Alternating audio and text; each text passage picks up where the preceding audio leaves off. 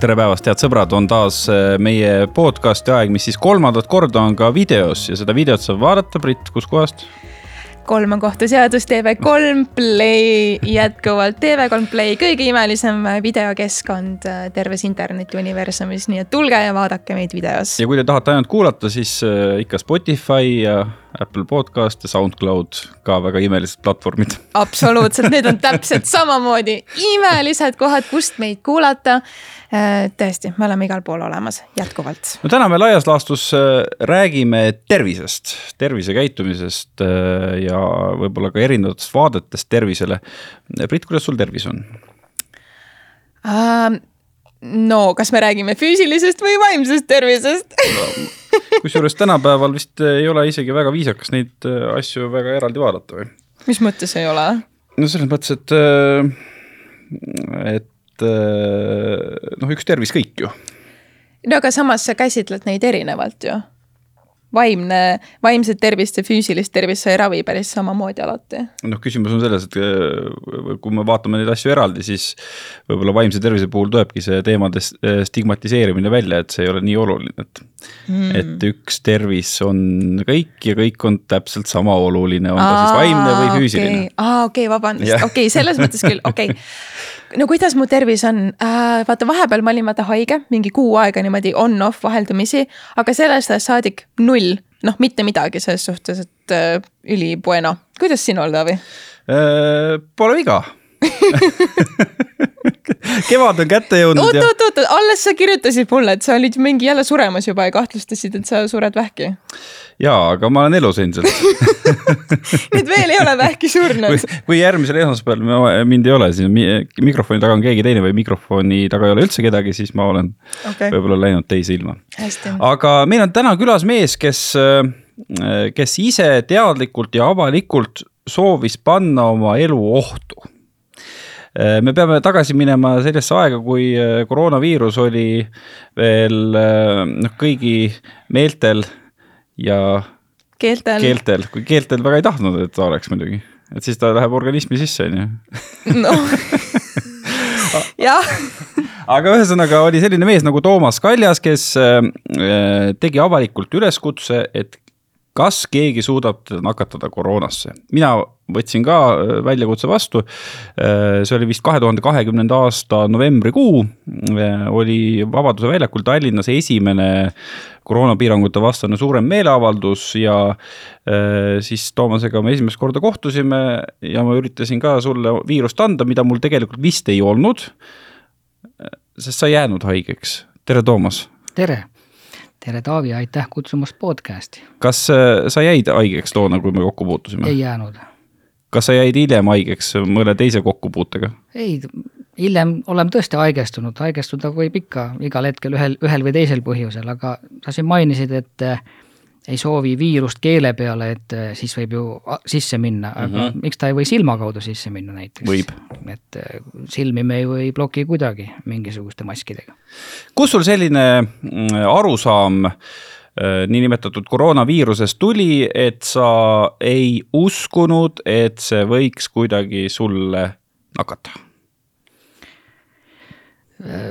Noh, ma tegelikult ei usu, et mitte ükski viirus mind või mingi suvaline inimene või keegi saab mind niisama nakatada, ükskõik mis haigusega, et see ei, ei, ei pea tähendama ainult koroonat, et tegelik taust on see, et äh, olen uurinud äh, varem enne oma laste sündi ka laste vaktsiine põhjalikult ja tulnud järeldusele, et lugedes kõik kirjanduse, mis meil on olnud viimase saja aasta jooksul kättesaadaval, need ei ole mitte kunagi mitte kellelegi kasulikud olnud ega mingeid haigusi ka ära hoidnud sisuliselt oot-oot, aga meil on ju väga palju haigusi, mis on tegelikult tänu vaktsiinidele kadunud ära. noh, mingid laste halvatused ja leetrid ja kõik sellised asjad.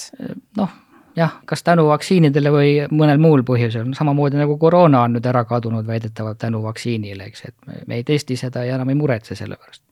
kuskohast sul üldse tekkis alge seda, seda kirjandust hakata otsima ja, ja lugema? No ütleme nii, et ma olen ise tehnika valdkonna inimene ja mm, põhjalikult ülikoolis aastakümneid õppinud tehnikavaldkonda ja selline ajalooline sündmus nagu üheteistkümnes september kus meil tornid alla kukkusid, mis on põhiliselt minu, minu eriala otseselt. ja, ja aastal kaks tuhat viis hakkasin seda asja nagu juhuslikult täpsemalt uurima ja avastasin, et ei, absoluutselt see, mida meile on näidatud selle kohta, on totaalne vale. kõik, absoluutselt kõik. Ja tulin järeldusele, et kui me suudame nii suure sündmuse kõigile selgeks teha ja see on puhas vale, ma võin sellest rääkida, see nagu hüüdja hääl kõrbes, siis järelikult võime me valetada mida iganes, ei ole piiri. ja me usume kõiki valesid lihtsalt ja see üks asi viis lihtsalt teiseni, et et hakkasin ka teisi teemasid põhjalikumalt uurima, et äh, enne seda oli küsimus, et mis see elu mõte on, et noh, kõik on ju ette, ette teada ja polegi siin midagi mõelda, eks. Aga kui avastad ühel hetkel, et tegelikult sa usud valesid, siis, siis tekib küll elu mõte, et oota, kui selline asi on vale, mis siis siin, mis siis siin veel, kus siin veel valesid on ja kus see tõde on siis? aga mis seal vale oli, räägi see on, see oleks omaette podcast, aga põhimõtteliselt. no lühidalt. no põhimõtteliselt kõik, mis seal olla sai. Need tornid lõhati, kolm torni lõhati seal. no lennukid ikka lendasid sisse? no minu, minu hinnangul nad olid videomontaaž reaalajas. No vahet ei ole, kas lendasid või lendavad, kui mina seda korraldaksin, mina seda lennukit sisse ei lennutaks. ma ei otsiks suvalist tüüpi sinna lendama, et ta lendaks õigesse kohta, mitte sinna, kus ma pommid panin et.... aga miks need pommid sinna pandi? noh, sellepärast, et muul viisil need tornid ei laguneks aga miks neid oli vaja äh, õhata? no miks meil oli vaja need inimesed kaamera ees ära tappa, et inimesi traumatiseerida, et äh, minna kuskile sõtta ja veel rohkem inimesi kodudeta jätta ja nii edasi. Hirm, hirm on see, mis inimesi motiveerib, eks. kui nad kuulevad koroona, et see kohe tapab sind, siis nad kardavad. ja, ja siis nad on valmis ükskõik mida tegema no äh, need asjad, mida sa välja tood, ega, ega siis äh, jumal, ma olen ju ka nii palju lugenud ja näinud videoid nende kohta, Youtube on täis seda kõike. Äh, neid nii-öelda klassikalises, klassikalises meediakäsitluses nimetatakse vandenõuteooriateks. mida sa arvad üldse sellisest terminist nagu vandenõuteooria? ei, mina arvan, et võib ükskõik mis terminit nimetada, kui ma ennast kristlaseks pean, siis kogu piibel on vandenõusid täis, et seal ei olegi muud, et alustasime ju sealt paradiisi aiast, kus siis madu ütles, et kuule, et näed, sa saad igavese elu, kuigi tegelikult meil oli igavene elu. ja noh, sama, sama on praegu, et äh, mis need vandenõuteoreetikud, nad lihtsalt ei usu, et me saame igavese elu, kui me mingit asja enda sisse süstime, muud midagi. Äh, no jääme hetkel meditsiini juurde ikkagi, äh, nii, mida sa hakkasid siis täpselt lugema, kuskohast sa leidsid selle tõde, ütleme, hakkasid guugeldama, mitmendalt Google'i sellest search page'ilt sa hakkasid siis leidma midagi või, või, või kus sa üldse siis võtad selle, et see nüüd on tõde ja see on vale noh, äh, piibli järgi tuleb testida kõike mm -hmm. ja pidada alles see, mis on hea ja sellest printsiibist ma lähtungi, kõike, mida ma testida ei saa, see ei, ei tähenda mitte midagi. kõike, mida saab ise kontrollida. nii, meditsiini puhul, mida sa hakkasid siis konkreetselt kontrollima mm,? Äh, no juba varasemalt hakkasin kontrollima kõike, noh, nagu ma mainisin vaktsiinide kohta ostsin kokku kogu kirjanduse, mis selle kohta saa-, saada on. ja seda on palju, see, et inimesed on äh, vaktsiinidesse skeptiliselt suhtunud ja mitte lihtsalt inimesed, vaid äh, põhjaga, põhjalikult oma tööd teinud teadlased, see on, sellel on pikk ajalugu, sama pikk nagu need äh, vaktsiinid, nende ajalugu oli ju väga verine juba siis, kui nendega alustati kolmsada aastat tagasi nad ei ole kunagi paremaks muutnud ega kunagi kedagi targemaks teinud. seda teemat ei käsitleta meditsiinikoolis, seda käsitletakse väga põgusalt ja sellest tegelikult ei teata, et äh, professionaalidena, kui me läheme arsti juurde, siis me lihtsalt läheme müügimehe juurde, kellel on öeldud midagi väga, väga põgusalt ja pinnapealselt sellest asjast. sinu elukaaslane on arst praegu on ka arst või? ei, ta ei tööta sellel erialal hetkel. aga sel hetkel, kui te kokku saite, siis ta oli läbinud klassikalise meditsiini äh, koolituse ja ta töötas arstina? ei, ta töötas uurijana, vähi, vähiuurijana mm. -hmm. nii, äh, siis äh, räägime nüüd klassikalisest käsitlusest. klassikalise ettevalmistusega arst sai kokku vandenõuteoreetikuga kuidas see, kuidas see mõtete vahetus teil nagu käima hakkas, kuidas te nagu jõudsite samale lainele? noh, olulistes küsimustes väga lihtsalt, kuna me olime mõlemad juba varasemalt aru saanud, et me, meil on kristlikud väärtused mm. -hmm. see meid kokku sidus. ülejäänud legendid, mis meil ümber elus on, on nad tõed või mitte, noh, nende üle võime ju meelelahutuslikus vormis vaielda. see, see ei muuda asja. et, et selles mõttes hästi ja noh, loomulikult kui me, kui minul olid need seisukohad juba varem selged ja, ja ka meil omad, omad lapsed äh, tulemas olid, siis tekkisid, tulid nad pinna peale, et, et mida me nende lastega tegema peaksime. ja siis me loomulikult käsitlesime kogu meditsiini ja vaktsiini. sa tegid siis põhimõtteliselt oma elukaaslasele selgeks, et, äh, et meditsiinis on teatud vale ja et sa oled selle vale siis nagu välja uurinud jah, ei, ma ütlesin talle niimoodi, et kallis, et sa oled küll meditsiinikooli lõpetanud, aga ära selle diplomi üle väga uhke pole. et, et pigem võib selle lihtsalt põlema panna, sellepärast et viiskümmend protsenti sellest, mida me seal koolis õpime, on kas juba vananenud informatsioon või lihtsalt vale. ja me ei tea, kumb see viiskümmend protsenti on. aga see ei tähenda, et seal koolis väärtuslikku asja ei õpita mm,. ma mõtlengi, et arstiks õpitakse kümme aastat, eks? noh, jah. no um, umbes ja kõik need, kõik need erinevad kes õpib kiiremini ja kes ja, ja aga no mis see tähendab siis, et seal on nagu viiskümmend protsenti on aegunud ja viiskümmend protsenti on vale, mis on nagu vale, mida selle kümne aasta jooksul õpit-, õpetatakse tulevasele arstile? noh, neid valesid on meditsiin täis. Need on täis, kogu, kogu ajalugu on seda täis, et ütleme niimoodi, et laias laastus meditsiin jaguneb, ütleme kõik ravimid, mis meil on, jagunevad järgnevalt. kaks protsenti on nendest tõsiselt kasulikud ja väga head ravimid, mida võiks kasutada iga kell. Siis on mingisugune kümme protsenti, mis on mõõdukalt kasulikud, siis on olemas mingi viisteist protsenti, mis on väga-väga küsitava kasumiga.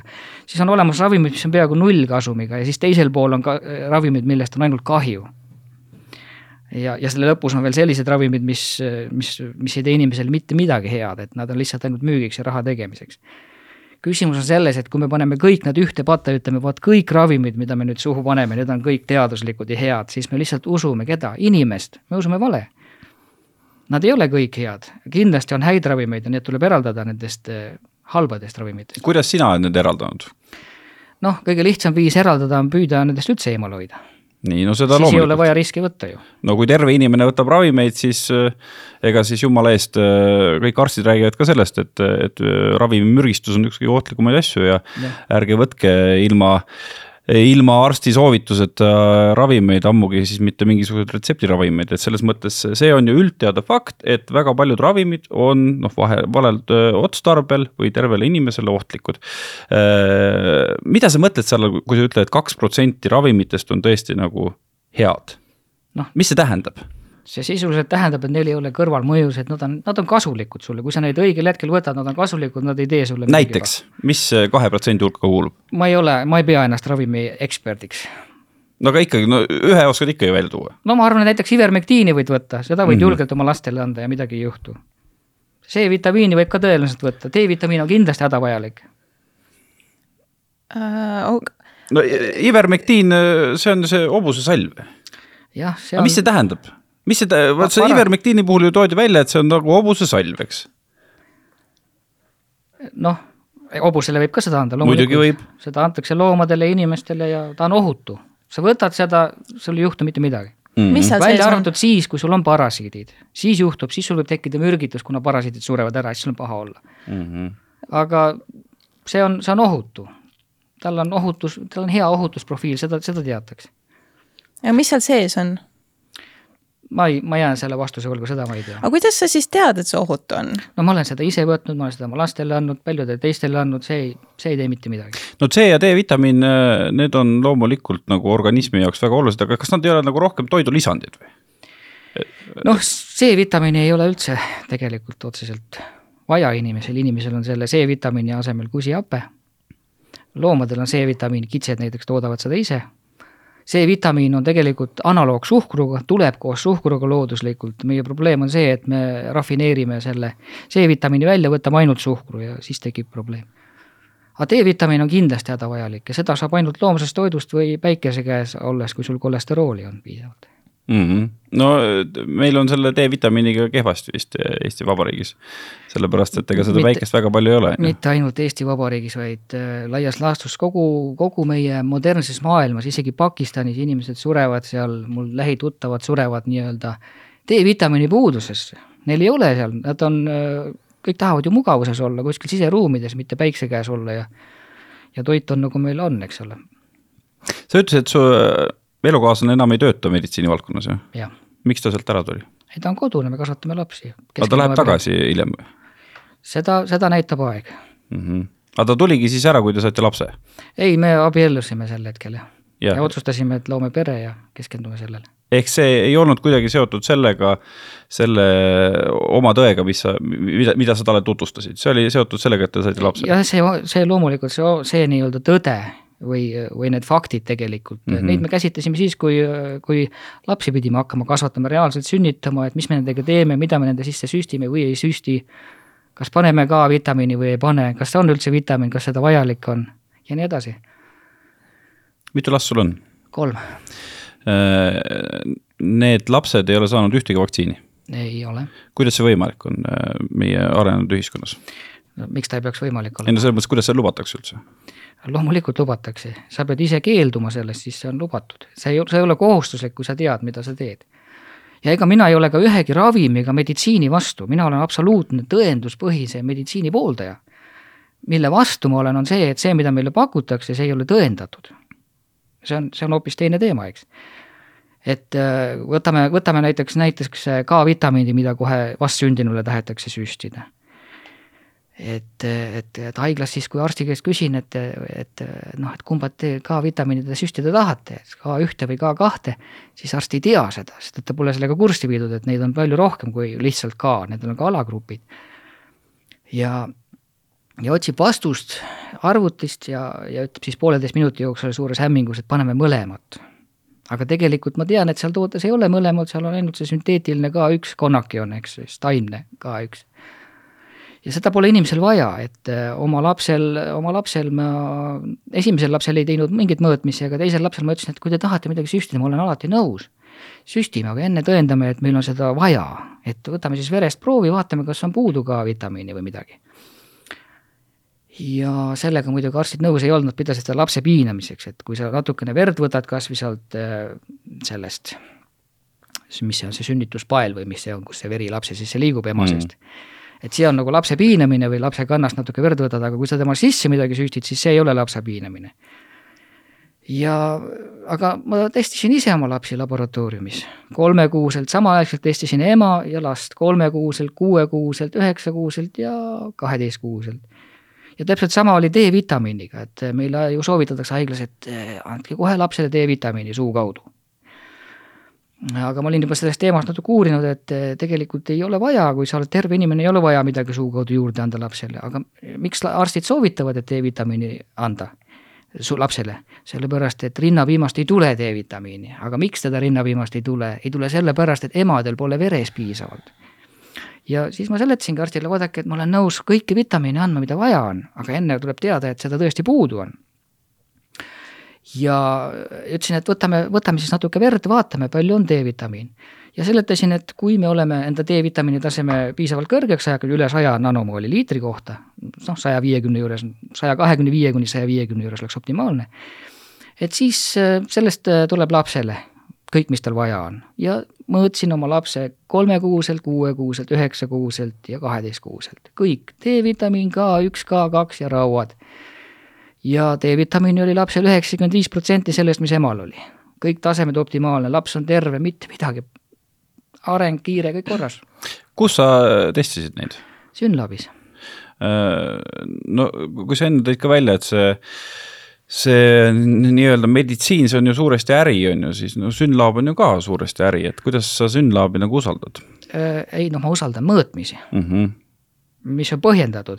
ja enne seda koroonat oligi ma ise Synlabi kuldsponsor, nad andsid mulle kõiki salle ja jopesid kingituseks, et ma seal nii palju inimesi testimisse viin ja raha kulutan. testisin sellepärast, et aru saada, kuidas tegelik inim-, kuidas tegelikult inimene töötab ja mis tal tegelikult kapoti all on aga pärast seda, kui see testimine siin kohustuslikuks tehti, siis ausalt öeldes endal kadus ka nagu huvi testimise järgi ära, sest et no kui sa juba pead vägisi midagi testima, millesse sa ei usu ja millel mingit sisu pole, siis ei ole mõtet. Et siis sa ei tahtnud enam testida, kui pidi testima? ei, jah, seda ma ei, see, see on mõttetu, mida me seda nina sorgime seal, kui sealt pole midagi otsida mm. -hmm.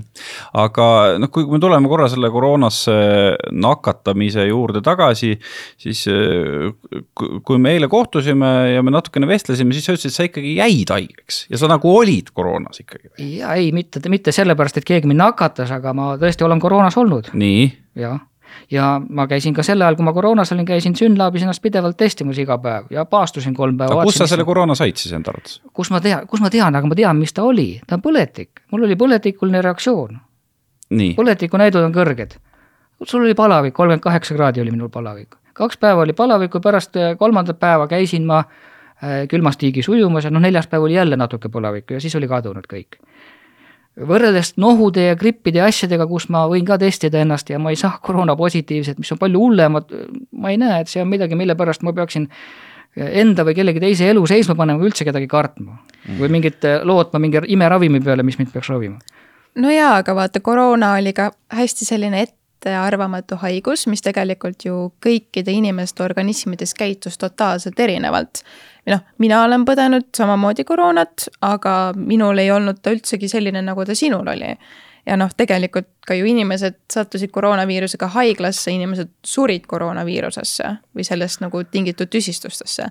et noh, noh, vaata tegelikult see ei ole vaata see, et ta ei käitu universaalselt meie kehades. Äh, vaata, siin on juba vastuolu nende Kochi postulaatidega, Kochi postulaadid, ma korra kordan üle, on sellised, et no mida enam tänapäeval ei austata, sest nendest on vaja üle minna, on see, et meil peab olema haigustekitaja, seda peab olema organismis palju see on number üks, number kaks, me peame suutma ta välja võtta ja ta isoleerida sealt, number kolm, me peame ta suutma kellegi teise terve inimese sisse panna ja samad sümptomid saama. Siin, kui sa ütlesid, et inimesed äh, käituvad erinevalt selle koroonaga, neil on erinevad sümptomid, siis kas meil üldse on sama haigus küsimuses? ja kolmas on see, et me võtame selle viiruse või selle haigustekitaja siis inimese seest, teise inimese seest välja uuesti ja ütleme, et jah, see on täpselt seesama mida me esimese inimese käest kätte saime. see, et kui meil on erinevad sümptomid, äh, tähendab, et meil on erinev haigus.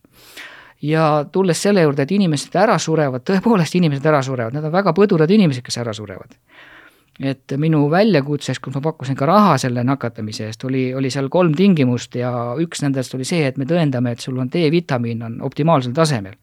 Need, kes seal haiglas ära surevad, nendel pole D-vitamiini, nad pole näinudki, nad ei tea, mis see tähendabki, see sõna ja teine oli see, et tõendame ära, et sul ei ole metaboolset sündroomi. See on tegelik haigus, see on kõikidel see haigus, see on aladiagnoositud haigus, kui mehel on juba siin päästerõngas ümber, on ju, või ütleme, kõhu ümbermõõt on äh, üle poole pikkuses, siis on juba, juba võib selle põhjal öelda, et on metaboolne ainevahetuse häire. no ma toon näite siin, näiteks meil diabeetist ju testitakse veresuhkru järgi aga veresuhkur ei ole ainult üksik parameeter, mida saab üksinda vaadelda, vaid see sõltub konkreetsel hetkel, palju on insuliini taustal. Ja, ja noh, need, kellel, no ütleme, need inimesed, kellele ma siis viitan, keda ma pean haigeks, kelle hulka ma ise ka osaliselt kuulun, äh, samal põhjusel, on see, et neil on kõrge taustainsuliin. ja ja neil on eeldiabeetes, nad saavad kõik südameatakid, ükskõik missugused haigused. ja nüüd tulles veel suremise juurde, siis need inimesed, kes praegu on vaktsineeritud, surevad ka püsti jalu ära, aga sellest me enam ei räägi ja liigsuremus meil kasvab ka Eestis, Eestis ja Soomes igal pool, aga sellest me enam ei räägi, nüüd meil on muud teemad lihtsalt selle peale. no laias laastus jah, et, et kui sinna jutt kokku võtta, ma saan aru, et et tuleks enda kehaga käituda nagu paremini, tuleks oma elustiili parandada ja siis oleks võimalik elada tervemalt kõik, mida räägivad ka tunnustatud äh, meditsiinieksperdid, äh, personaaltreenerid, perearstid ja nii edasi ja nii edasi. põhimõtteliselt ju niimoodi on, eks? noh, laias laastus äh, ütlevad ju kõik, et tuleks tervislikult elada, aga mida see tervislik elu tegelikult tähendab, siin on nagu väga suur hargnevusi. nii, mis sinu hinnangul tähendab tervislik elu? noh, minu hinnangul tähendab tervislik elu see, et mul ei ole esidiabeete või diabeete, mul on ainevahetus korras, mul on optimaalne D-vitamiini tase ja ma söön lihtsalt eh, noh, ütleme siis kõige paremat kättesaadavat valku ja rasvu mm, -hmm. mille seest ma saan oma rasvlahustavad vitamiinid, mitte ei, ei söö oma sünteetilisi eh, toite ja sünteetilise polu ja mõnu küllastamata rasvasid näiteks, mida meil viimased seitsekümmend aastat on propageeritud no tegelikult on ju äh, ka selle toidutehnoloogia osas väga kiiresti äh, mingisugused teooriad varanenud, vananenud, kasvõi seesama, kas võib rasva süüa või kas ei või rasva süüa või kasvõi see muna sees kolesterool, kas see on ohtlik või see ei ole ohtlik ja nii edasi ja nii edasi. võib-olla mingid asjad ongi lihtsalt nagu vananenud, et see ei tähenda, et keegi see... valetab võib-olla. Ei, see on, selles on lihtsalt suured huvid ja loomulikult keegi valetab, väga paljud valetavad, enamus asjadest on lihtsalt valed tõde on, tõde on väga raske otsida, see on fakt. aga kui me võtame näiteks nüüd südamehaigused, siis aastal tuhat üheksasada ja sinnakanti neid ei olnud, neid oli väga raske otsida. kui tahtsid arstile õpetada, et mis see südameatakk välja näeb, siis sa pidid ta Ameerikasse saatma, et sealt nagu näha, kuidas see asi reaalses elus välja näeb mm. -hmm. ometi oli keskmine eluiga tunduvalt madalam. jah, ma ei tea ma selle, sellesse hetkel ei lähe, aga ühesõnaga mm -hmm. südameatakke ei olnud, eks ole. ja, ja need, need, need atakid on tulnud meil nüüd viimasel ajal, viimase saja aasta jooksul, üle saja aasta et äh, küsimus on siis et mida me, millal me oleme õieti käitunud, millal me valesti oleme käitunud, et enne oleme söönud kogu aeg äh, liha ja roomset rasva ja ja nüüd järsku me peame sööma margariini ja polu külastamata õlisid ja, ja muid tööstuslikku noh, millega ennem sisuliselt äh, mootoreid õlitati. Et, et kuidas see toiduaine ja rasvade nii-öelda muutus tekkis, oli see, et meil tulid ju elektripirnid, eks. sel ajal jäi üle seda äh, õli, mida lampidesse oli vaja kasutada ja selle õliga polnud midagi muud teha, siis mõeldi välja, kuidas seda hüdrogeneerida ja tekitada temast nagu midagi võisarnast ja seda inimestele müüa, aga selles õlis ja selles rasvas ei ole mitte ühtegi vitamiini. inimesed kardavad äh, rasvasid, nagu rasvad oleks midagi pahat, aga tegelikult on nii, et rasv on meie see ja rasvhapped on meie need substraadid, mille peal meie organism kogu aeg töötab. isegi siis, kui me puhta suhkrukoti praegu ära sööme, meie vereringes on tervel inimesel ainult ühe teelusikatägu suhkurt. aga kui ma ühe kilo suhkurt ära söön, see organism muudab selle kiirelt rasvaks. ja alles pärast seda, kui ma ei söö või magan või puhkan või paastun, siis ta hakkab seda rasvhappeid kasutama. loomulikult aju kasutab suhkrut eh, kõige kiiremas järjekorras, kuna suhkur on mürk organismi jaoks tegelikult mürk, ta suudab ise seda suhkurt luua, aga, aga noh, meie, meie tänapäeval lihtsalt äh, sööme seda kilode, kilode kaupa lihtsalt juurde ja siis imestame, et miks meil küll see veresuhkur kõrgeks läheb mm. -hmm. ei no äh, sa tõid nüüd selle südameataki näite, noh, ma kujutan ette tegelikult ja ma usun seda, et võib-olla ka see äh, vähkkasvajate tohutu, tohutu tulv on seotud sellega, mis me keemiat endale sisse sööme ja sisse hingame ja nii edasi ja nii edasi, mis keskkonnas me elame, et see on kõik nagu selle progressiga nagu seotud aga äh, mind just nagu isiklikus plaanis huvitab see, et et miks sa arvad, et seal on mingisugune suur vale mängus, et võib-olla see kõik ongi seotud sellega, et, äh, et noh, tohutult kiiresti on meie ühiskond nagu progresseerunud, tohutu tehnoloogiline areng on olnud ja see on kõik kõrvalprodukt, see ei tähenda nagu, et, et on mingi suur vale kuskil. jah, noh, selles mõttes võime öelda, et äh, kuidas me seda siis ütleme ühes suunas oleme kogu aeg arenenud, aga minu meelest mitte nagu väga edasi, vaid võib-olla kuskile teises suunas, et me jääme pidevalt nõrgemaks ja nii edasi, eks, et. et noh, valed on olnud ju kogu selle maailma loomisest, loomisest peale sisuliselt äh,. et äh, sul oli tegelikult üks küsimus, aga mul läks see meelest ära, sa ütlesid, et selle eelmise lause ees oli üks küsimus. Äh, ühesõnaga, küsimus oli nagu selles, et miks sa arvad, et siin see, siin see vale on, see suur vale et minu küsimus tegelikult ongi see, et okei okay,, ükskõik, kas see areng on nagu õiges, on, see progress, on see regress, aga fakt on see, et meie, meie ühiskond, meie tehnoloogia on tohutult palju viimase, ütleme, kaheksakümne aastaga muutunud, eks. ja, ja seetõttu on, on ka mingisugused uued haigused tulnud ja kõik edasi edasi, edasi, aga see on kõik nagu kõrvalprodukt võib-olla, et see ei tähenda, et keegi valetab meile. noh, jah võib ka nii öelda, kui keegi otseselt ei valeta, aga kui meil on seda valet, valet sisse süstitud, ega ma sulle ei pruugi valetada sellepärast, et ma sulle valetada tahan. ma lihtsalt usun seda, mis ma räägin. ega need arstid, kes mulle seda räägivad, et vaktsiin on hea, nad usuvad siiralt seda ju no muidugi, sinu naine ka uskus, eks?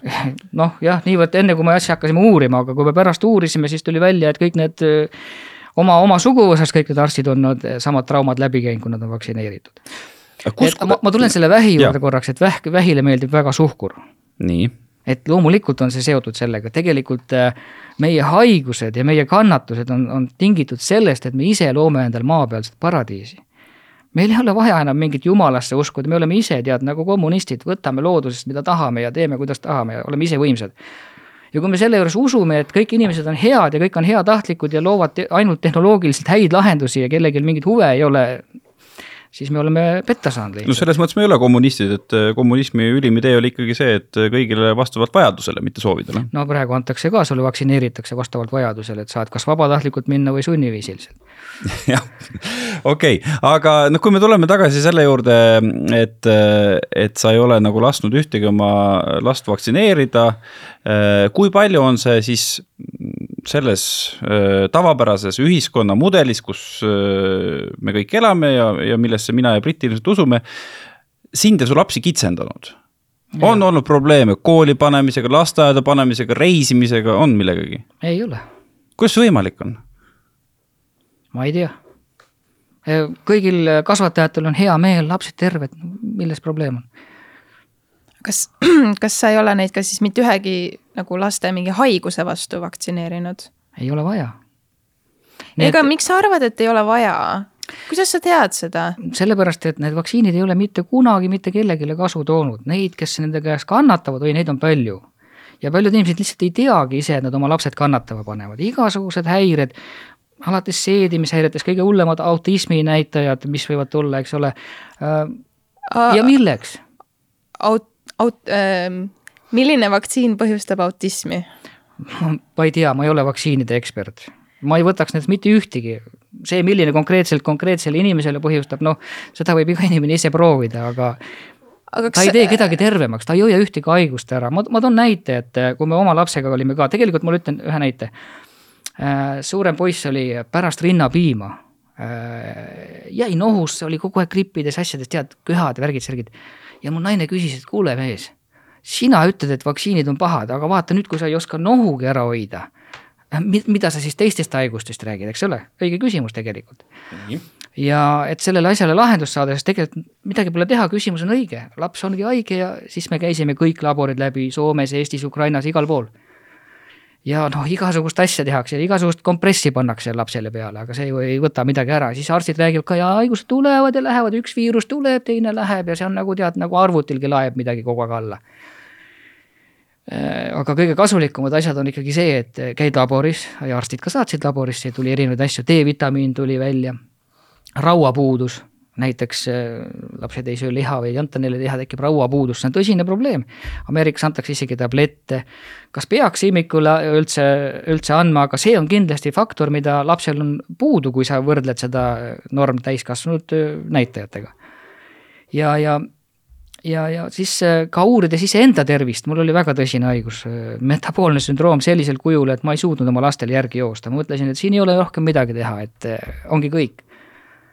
ja see tähendab, et ei ole lihtsalt energiat, tead, oled pikali ja sa ei jõua oma lastele järgi joosta, aga no kuidagi peavad need lapsed kasvama. Ja selle kaudu ma pidin hakkama uurima, mismoodi siis see inimese tervis tegelikult toimub ja ja õnneks on maailm täis selliseid äh, ka siiraid inimesi, kes teevad oma tööd äh, heast tahtest, üks näiteks, äh, seda ma võiksin välja tuua, on Iiri Südame Tervise Assotsiatsioon.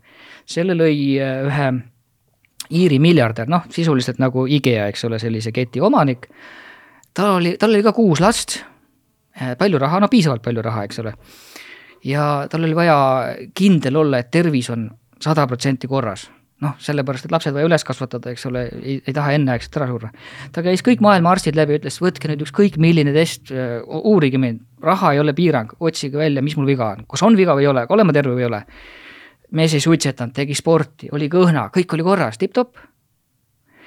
käis arstidel kõik verenäidud, mida seal võetakse, väga hea, sa oled pommikindel, sa elad igavesti, noh sisuliselt ja siis lõpuks ta avastas, avastas selle, et on olemas ka selline test nagu koronaararterite kaltsiumi skooring.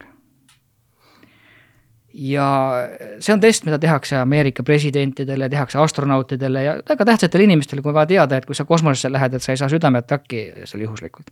see on tegelikult kulla standard südameatakkide kohal. ja ta noh, tegi selle testi ja kohe testis öeldi nii, homne päev lõikusele, sa sured homme ära, sul on kohe see umbes toru ja loomulikult ta sai väga vihaseks selle peale, mõtles, et kuidas saab olla, et ma maksan kõigile.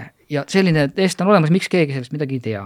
ja siis ta äh, rahastas või lõi sellise organisatsiooni nagu Iiri Südame Tervise Assotsiatsioon, kuhu ta palkas ka insenere, nagu min-, minusuguseid insenere, kes raha eest teevadki tööd ja uurivad neid asju, vaatavad neid asju teise pilguga. Väga palju kasulikku informatsiooni, väga palju kasulikku informatsiooni. Mm.. no kas see natukene selline hüpohondria ei ole? et kui sa otsid, küll sa siis leiad noh, jah, me võime silmad kinni panna ja uskuda ükskõik millesse mm. -hmm. aga kui meil on olemas mõõtevahendid, me näeme reaalselt südame sisse, kas on kaltsiumi või ei ole. no ma toon selle kolesterooli, mis on tegelikult inimesele ülikasulik, ei ole halba kolesterooli olemas, on ainult halb teadmine südameatakis, kui sa tead, meil on südame-veresoonkonnad lubjastunud, miks siis keegi lupja ei mõõda, miks siis keegi kaltsiumi verest ei mõõda? Tegelikult on meil palju paremad näitajad, kas või võtame C-reaktiivne valk, kui, kui juba see, see, sellest on näha, et sul on madalastme põletik, sa võid ennustada südameataki. Äh, meil on palju muud näitajaid, kui see LDL kolesterool, millega palju raha tehakse ja inimesi ravitakse sellega. Need muudetakse ju, kuna meie aju on kolesterooli täis, kui me võtame statiine, siis me muutumegi dem-, dementseteks sisuliselt, aju ei tööta, lihased ei tööta, tekivad igasugused valud me võime uskuda inimestesse, et inimesed meile head tahavad, aga noh, nad kindlasti tahavadki, mina, mina arvan, et kõik need arstid, kes mind ravivad, kui ma haiglasse satun, nad teevad või noh, enamus jaolt, eks ole, kindlasti on ka erandeid, eks ole mm., mengeleid on ka olemas. enamus jaolt nad teevad oma tööd ikkagi suure südamega ja nad teevad seda, mida nad usuvad siiralt, mitte sellepärast, et et, et nad tahaks mulle paha, vaid nad usuvad sellesse, mida nad on õppinud. kuidas selle kolesterooli mõõtmisega raha tehakse, selles mõttes perearst teeb ju seda tasuta, olgu ja pea, esimene asi, mis perearst ütleb, on ju, sa pead äh, tervislike eluviisidega olema, see ei ole ju kohe, et äh, pannakse mingid rohud peale. kus see raha tegemine? ma ei tea, kui palju perearst selle pealt raha teeb, sellele vastuse jään võlgu, aga ravimitööstus teeb selle pealt kindlasti raha ju. no aga ju, esimene soovitus on tervislik eluviis kolesterooli puhul no, konkreetselt. seda, seda arstid soovitavad ja siis vaatavad, ikka on kolesterool kõrge, oi nüüd peab midagi võtma. aga tegelikult ei ole olemas kõrget kolesterooli. mul on endal olnud see kolesterool, LDL kolesterool. no palju sul oli?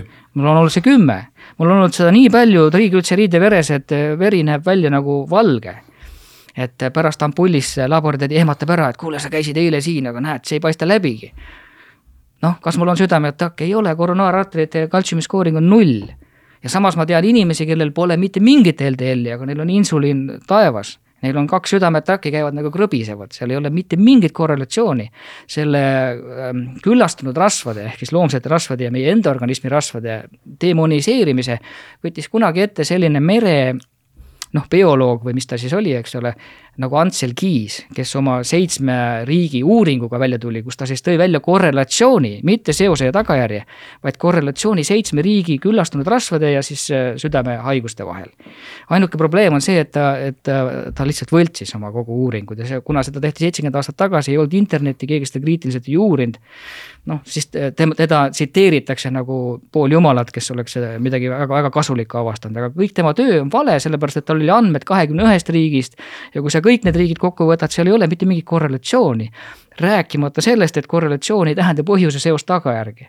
noh, enne seda, kui ta kolesterooli hakkas uurima, sest see oli väga noh, populaarne teema seal, Ameerika presidendid said ka südameatakke ja asju enne seda ta uuris kalade pikkust ja kaalu, ta leidis, et nende vahel on korrelatsioon, eks ole, kas pikkus põhjustab kaalu või vastupidi, noh, need on lihtsalt korrelatsioonis, paljud asjad on korrelatsioonis. näiteks see, et kui palju inimesed margariini söövad ja kui palju nad lahutavad, on korrelatsioonis, aga see ei tähenda, et margariin lahustusi, lahutusi põhjustaks ja, ja nii edasi. kui me tuleme kasvõi selle juurde tagasi, see Iiri südame tervis oli vist, eks? südame jah, tervisi. no kuidas sa siis äh, sellest äh, nii-öelda hägusest valede müürist nagu murdsid läbi ja jõudsid selle infoni üldse, et on selline Iiri südametervis olemas. ja kui sa juba oled nagu noh, nii paljudes asjades, mis meie ümber on äh, nagu selles mõttes pettunud, et sa oled saanud teada, et, et need ei pruugi tõele vastata. kuidas sa nagu usaldasid et see Iiri südame tervis võiks olla tõde. ega ma ei usaldagi mitte midagi, mida ma testida ei saa, kõik, mis minust on kaugel, ma testida ei saa. aga kuidas sa jõudsid selle teadmiseni, et selline asi on olemas? kõigepealt ma vaatan infot, ma olen avatud infole, ahaa, vot selline asi, okei okay.. ja siis ma vaatan, et okei okay,, ma saan ju ennast ka kontrollida, ma saan ka minna laborisse ja testida. saan ma õigesti aru, guugeldasid põhimõtteliselt, guugeldasid välja, selline asi nagu Iiri südame tervis on olemas või ja, keegi ütles sulle seda? ei noh, guugeldades sa leiad internetist igasugust asja, eks ole, vaatad siis infot, mis seal esitatakse, loed läbi, kuulad läbi, teed omad järeldused, teed omad testid, käid kontrollimas. ja avastad, et jaa, näed, mul on ka selline probleem, näiteks rasvunud maks, väga tõsine probleem väga paljudel. mina alkoholi ei joo, ravimeid ei võta, järelikult nendest kahest asjast ei saa tekkida seda. see peab tekkima millegist muust see on väga tõsine probleem ja see on väga lihtsalt diagnoositav, sa võtad lihtsalt ultraheli ja vaatad sisse, et kas, mis värvi sul see maks on, kas ta on õiget värvi või on ta valgem või midagi muud mm. -hmm. ja pluss kõik maksaensüümid näitavad seda ja ma avastasin iseendal äh, tõsise maksapõletiku, mis on noh, tõsine probleem mm -hmm.. noh, ütleme sel hetkel akuutne põletik. kui vanad su lapsed äh, praegu on? no vanim on üheksa ja noorim on, saab neli okei okay., äh, kui need lapsed äh, saavad sul täisealiseks, siis äh, vaata, neil on teoorias õigus ju minna ennast vaktsineerima. absoluutselt. aga mis siis saab? midagi, mina luban teha kõigil, ma olen oma naisele ka öelnud, kui sa muretsed selle asja pärast, siis lähme vaktsineerime ja kui sa tahad vastutuse võtta selle asja pärast, siis lähme vastu, vaktsineerime, mina ei keela, aga mina lihtsalt ütlen, et siis mina ei vastuta, eks ole. ja veel parem, veel parem, kui lapsed on juba täiskasvanud, jumala eest, mine võta ega ma seda heaks ei kiida, aga mine tee. kas vanem laps käib koolis ka? tavakoolis?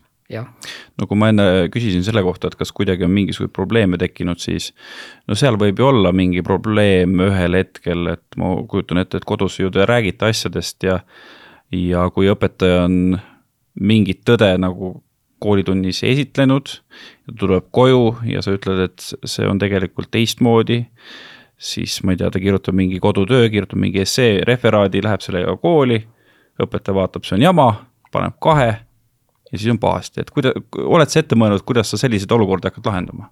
ei, loomulikult selliseid olukordi tuleb ette, see ongi terve elu on neid täis vastuolusid. aga kuidas siis saab, kas su laps kukub läbi või sa oled nõus sellega, et su laps kirjutab nii-öelda sinu perspektiivist valet? ta võib kirjutada seda, mida ta sinna ise tahab, ta võib kirjutada ka, näed, et selline on see ametlik tõde, mida mulle õpetatakse mm. -hmm. mis siis? ta võib ise teada, mis tõde on. loomulikult on see lapse jaoks raske, sellepärast Ongi. et, et sa vaatad, et oi, kuidas nüüd siis on, et isa ütleb midagi sellist, aga kõik siin räägivad, et koroona on ikka olemas, kuidas ma sellest nüüd aru saan siis? Äh. aga, aga ei saagi lapsepõlves aru, sa saad sellest tulevikus aru, kui sa ise oled kõik elus läbi teinud, siis sa näed, aa, vaata, võib-olla rääkis vanamees tõtt sa elad Soomes ju, eks? Äh, Soomes on äh, eriti eestlaste suhtes väga karmid lastekaitsjad, kas sa ei karda, et, äh, et sul võet-, võetakse lapsed ära äkki? Ei, ei võeta, mul on lastekaitsega head suhted, ma olen nendega rääkinud väga. oled äh,, ikkagi oled kuidagi pinnuks silma neil jäänud või ei, nad on, oled, olete seires nii-öelda? ma ei ole, ma ei ole kellelegi pinnuks silmas. aga seires ka ei ole? ei ole. ma olen, ma olen nõus lapsed ka vaktsineerima, kui lastekaitse seda tahab näiteks ja võtab selle eest vastutuse. On tema lapsed, siis vastutama, aga me peame vastutama mm. -hmm. ma olen nõus ükskõik mida tegema, kas või koroonavaktsiini, ma käisin ju ka vaktsineerimas tahtsin sealt ka seda nakkust saada ja kui me korra selle koroona juurde tuleme, siis eh, tegelikult eh, see, et, eh, et sina köhisid mulle, see, see ei olnud midagi, aga ma olen ju nagu proovinud ikka tõsiselt ennast nakatada, konkreetselt, igal viisil. no mis see, kõige ekstreemsem oli? no mis see kõige ekstreemsem, lased kellelgi endale seda kurku loputada ja siis vaatad, kas sa saad ka ennast sellega haigeks, no ei saa noh sul ei ole seda võimalik saada, vaata, ei ole võimalik kellelegi, ta teeb ja köhib mu peale, just sel hetkel ma jään haigeks. ma võin juhuslikult sel hetkel haigeks jääda, jaa, ma võin jääda, kui jumal otsustab, et nüüd mul on aeg puhata või mida iganes. ma jään haigeks, ega ma ei ole surematu. aga see ei käi nii, et keegi köhib ja siis ma jään selle pärast haigeks. ma võin hirmust haigeks jääda, jumal teab millest, ega ma ei tea, millest see, millest kõik inimesed haigeks jääma, aga seda, mida me kindlasti võime näha, on see, et sel ajal me seda käsitlesime nagu midagi väga olulist, väga tähtsat nagu midagi maailma kardinaalselt revolutsiooniliselt muutvat ja nüüd tuleb meil kõigil teada oma elust loobuda. nii ei ole lihtsalt mm. -hmm. on neid haigusi ennegi olnud, neid võltsepideemiaid ennegi olnud läbi ajaloo, Sevastoopolis ja muud, need lõppesid ära ainult siis, kui inimesed ise hangud ja argid kätte võtsid ja selle ära lõpetasid. aga nii on ka olnud vaktsineerimisega ju, kunagi, kui nad seal Inglismaal seda alustasid, neil seitsekümmend protsenti inimesi suri ära seal. et jah tänapäeval muidugi nii palju ei sure, selles mõttes võime öelda ja, ja vaata, väga paljud inimesed on ka õnnelikud, mina ka vaktsiin, vaktsineerisin lapsepõlves, näed, ma ei olegi täiesti surnud veel. loomulikult, sa paraned ära ka sellest ju. ma olen näinud lapsi, kes on vaktsineeritud, nad ei arene, täpselt sama vanad nagu mu omad lapsed, kukuvad kokku, nad ei liigu mm. -hmm. ja siis vanemad ühel hetkel teevad silmad lahti, saavad aru, et jah, ei ole mõtet. ja pärast seda lapsed arenevad kiiresti arenevad, saavad terveks ja selles mõttes, et see, et me saame lapsepõlves pihta natukene noh, igast avariisid juhtub, eks ole, me ei pruugi sellest ära surra. aga kas see kedagi targemaks teeb, tervemaks teeb? kui me, kui me see oma laps haige oli, käisime ka arsti juures ja eraarstide juures igal pool, eks ole, ja ja, ja rääkisime vaktsiinidest ka, aga no mu naine tõsiselt oli mures, et kuule, et ütles ka arstile, et noh, et laps köhib, et äkki see on sellepärast, et me ei teinud neid lapsepõlvevaktsiine. arst ütles ei, ei sellepärast ei ole, aga no tehke ikka vaktsiinid siis ma ütlesin, et aga noh, et toon siis näite, näed, mul on ka üks tuttav on ju, tal oli lapse see läkaköha on ju. et ta oli just vaktsineerinud, on ju ja, ja siis köhis kolm kuud niimoodi, et pidi ära surema, kaameraga valvasid, tead, kogu aeg hing kinni, noh, sureb ära noh. ütlesin, mis siis kasu on sellest vaktsiinist. ja arst olevat öelnud, et, et väga hea, et vaktsineerisime, nüüd läks kergemalt. okei okay., kui ma tean, et kergemalt, siis ma räägin teisele arstile, et näed, selline lugu juhtus, mis sa siis arvad sellest ta ütles, ah tead, see läkaköha, see on vanahiinlaste haigus, see ongi sada päeva kestab, siis läheb ise üle mhm. noh. no kui eh, noh, praegusel hetkel ongi meil ju infoühiskond isegi nii suletud ühiskonnas kui Hiina. kui ikka seal mingisugune kolm tuhat matsi nagu ära sureb mingi haigusega, siis me ikka siin teame. kui me läheme sada aastat ajas tagasi, kui oli see Hispaania gripp, siis eh, noh, ega me ju ei teadnud, mis toimub eh, kasvõi nagu kõrvalkülas, need, see info liikus nii aeglaselt ja siis ju tohutult inimesi suri siis ju tuli mingi haigus või, või, või sa kuidagi arvad, et see on ka mingi jama või? vaata, selles, see on jälle see asi, et ma ei saa seda kontrollida, ma ei saa kontrollida, mis mm -hmm. Hiinas toimub, ma ei saa kontrollida, mis sada aastat tagasi toimus, me võime sellest rääkida ühtepidi, teistpidi, vaielda ja rõõmustada. lihtsalt see ei ole kontrollitav minu jaoks mis ta oli või ei olnud, ma ei tea, ma võin uskuda seda, no, siiralt uskuda. ajalugu üleüldse ei ole kontrollitav.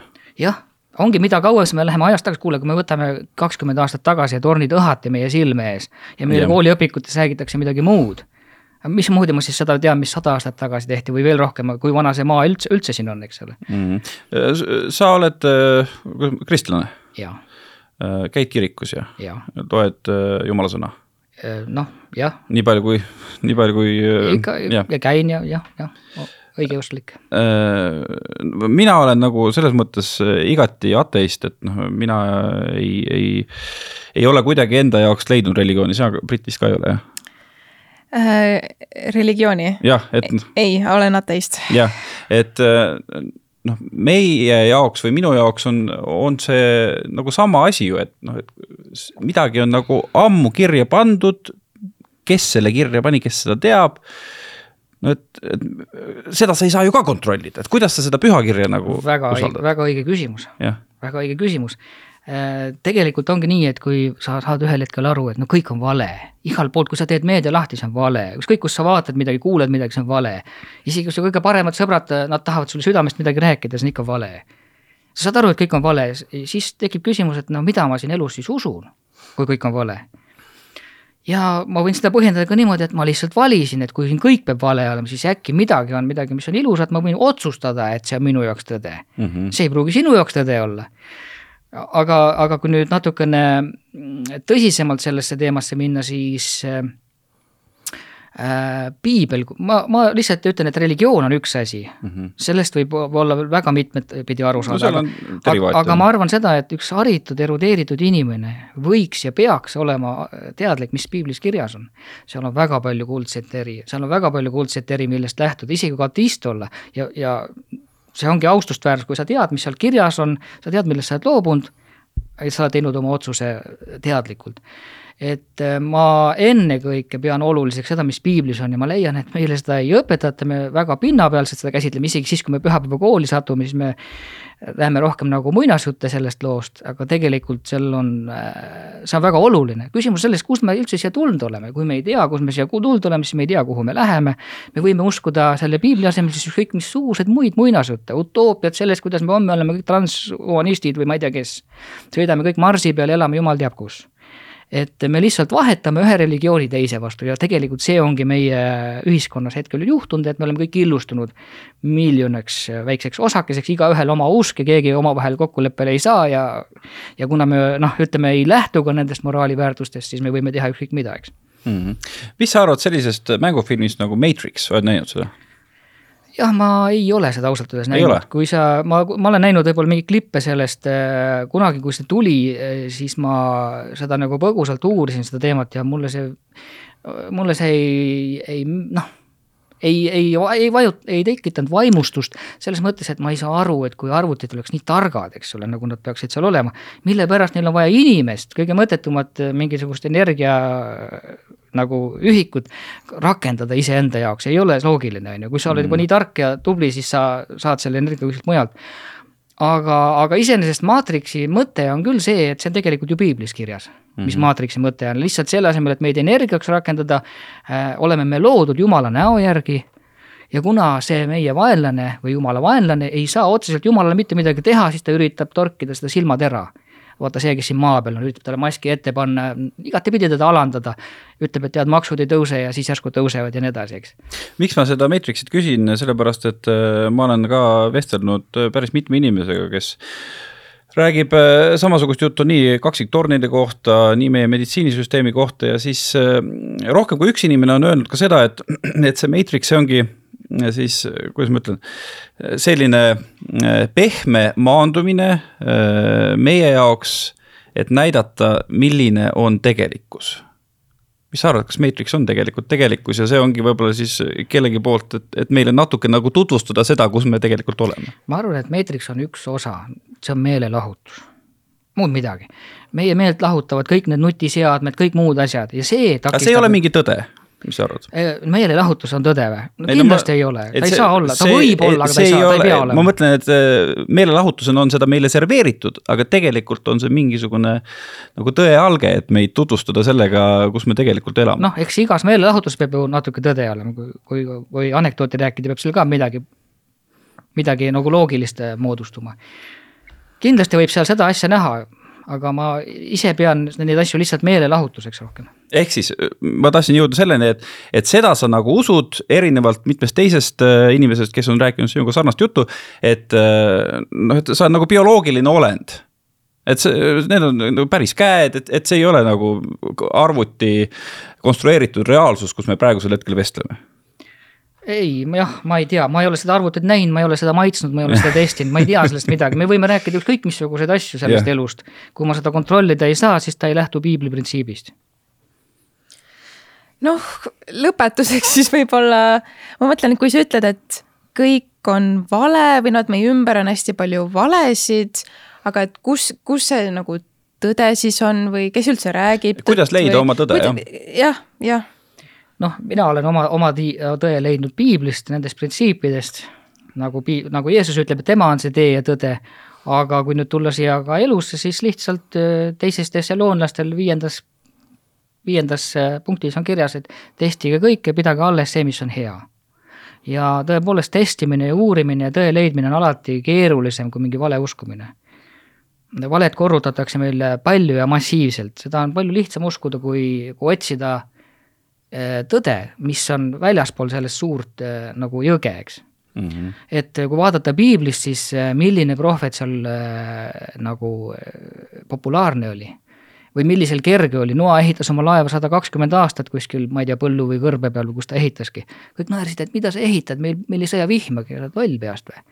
ja sa räägid mingist vee, veeuputusest asjadest et äh, või, või oli siis see Jeesus populaarne, kui ta tõde rääkis või noh, või ükskõik milline prohvet. aga mina ennast prohvetiks ei pea, mina lihtsalt äh, leian, et see on väga kasulik informatsioon, äh, seda ei pea uskuma, aga seal on väga palju kasulikku näpunäiteid ja isegi isegi omal ajal, kui Darwin oma ahvide teooriaga välja tuli, siis ta leidis, et jah, et see on, see on küll tore, kui me ateistideks muutume, aga meie ühiskond laguneb ära, et võiksime ikka kuidagi neid kristlikku printsiipe alles pidada. aga ma arvan, et erudeeritud inimene võib näha asju mitmel viisil samaaegselt, et sul võib olla nii, et okei okay,, ega ma ei pea midagi selleks tegema, ma võin ju näha, et mis see, mis on see teine pool. mismoodi veel võib mõelda ja siis äh, otsustada, et mismoodi see võiks olla õige või vale. no aga kuna inimesed on äh, suures osas ikkagi väga laisad ja äh, ei viitsi kõike testida, et anna siis nagu oma perspektiivist mingi, mingisugune soovitus, kuidas sinu hinnangul võiks inimesed käituda, et et neil oleks, noh, kuna tervisest me alustasime, tervis parem. et neil ei oleks sinna arsti juurde asja, kes hakkab sulle näkku valetama. jah, kuidas ma siin saan eh, sellist üles eh, nagu äh, üleskutset sa ei pea tegema. ma aga ma ei saa. ma mõtlengi nagu sinu enda perspektiivist, et ma, ma mis saa... need printsiibid on, mida sa ise nagu, äh, mida sa ise nagu järgid ja jätame nüüd selle testimise kõrvale, et ongi mingi D-vitamiin või midagi sellist mida, mida sa teed? nojah, D-vitamiin kindlasti, seda tasub kontrollida ja, ja enda veres optimaalsena pidada, kindlasti aga, aga üldises perspektiivis me alustasime saadet ka siin vaimse tervise ja füüsilisega, terves kehas terve vaim ja no võiks ju esimese asjana televiisori toast välja loopida, kohe mm. vaimne tervis paraneb, pole vaja. üldse meelelahutusest loobuda ja ma ei tea, raamatukogus aega veeta või, või looduses või kuskil mujal päikse käes, eks ole. me tegelikult oleme kaotanud ära oma juured, me ehitame siin endal seda tehnoloogilist maapealset paradiisi ja sellepärast kõik meie kannatused. seda paradiisi ei tule, tuleb üks düstoopia, utoopia kevad on käes, lähme metsa, Toomas, eks? kindlasti Toomas Kaljas, suur aitäh, et tulid külla ja ma kujutan ette, et selline väga mõtteainet pakkuv äh, jutuajamine oli ja, ja natuke tõesti võib-olla võimalus vaadata üle maailma ääre teatud mõtteviisidega, nii et äh, väga vahva, et tulid. jah, aitäh kutsumast. ja meie kohtume järgmisel nädalal. ja nii on. tšau, pakaa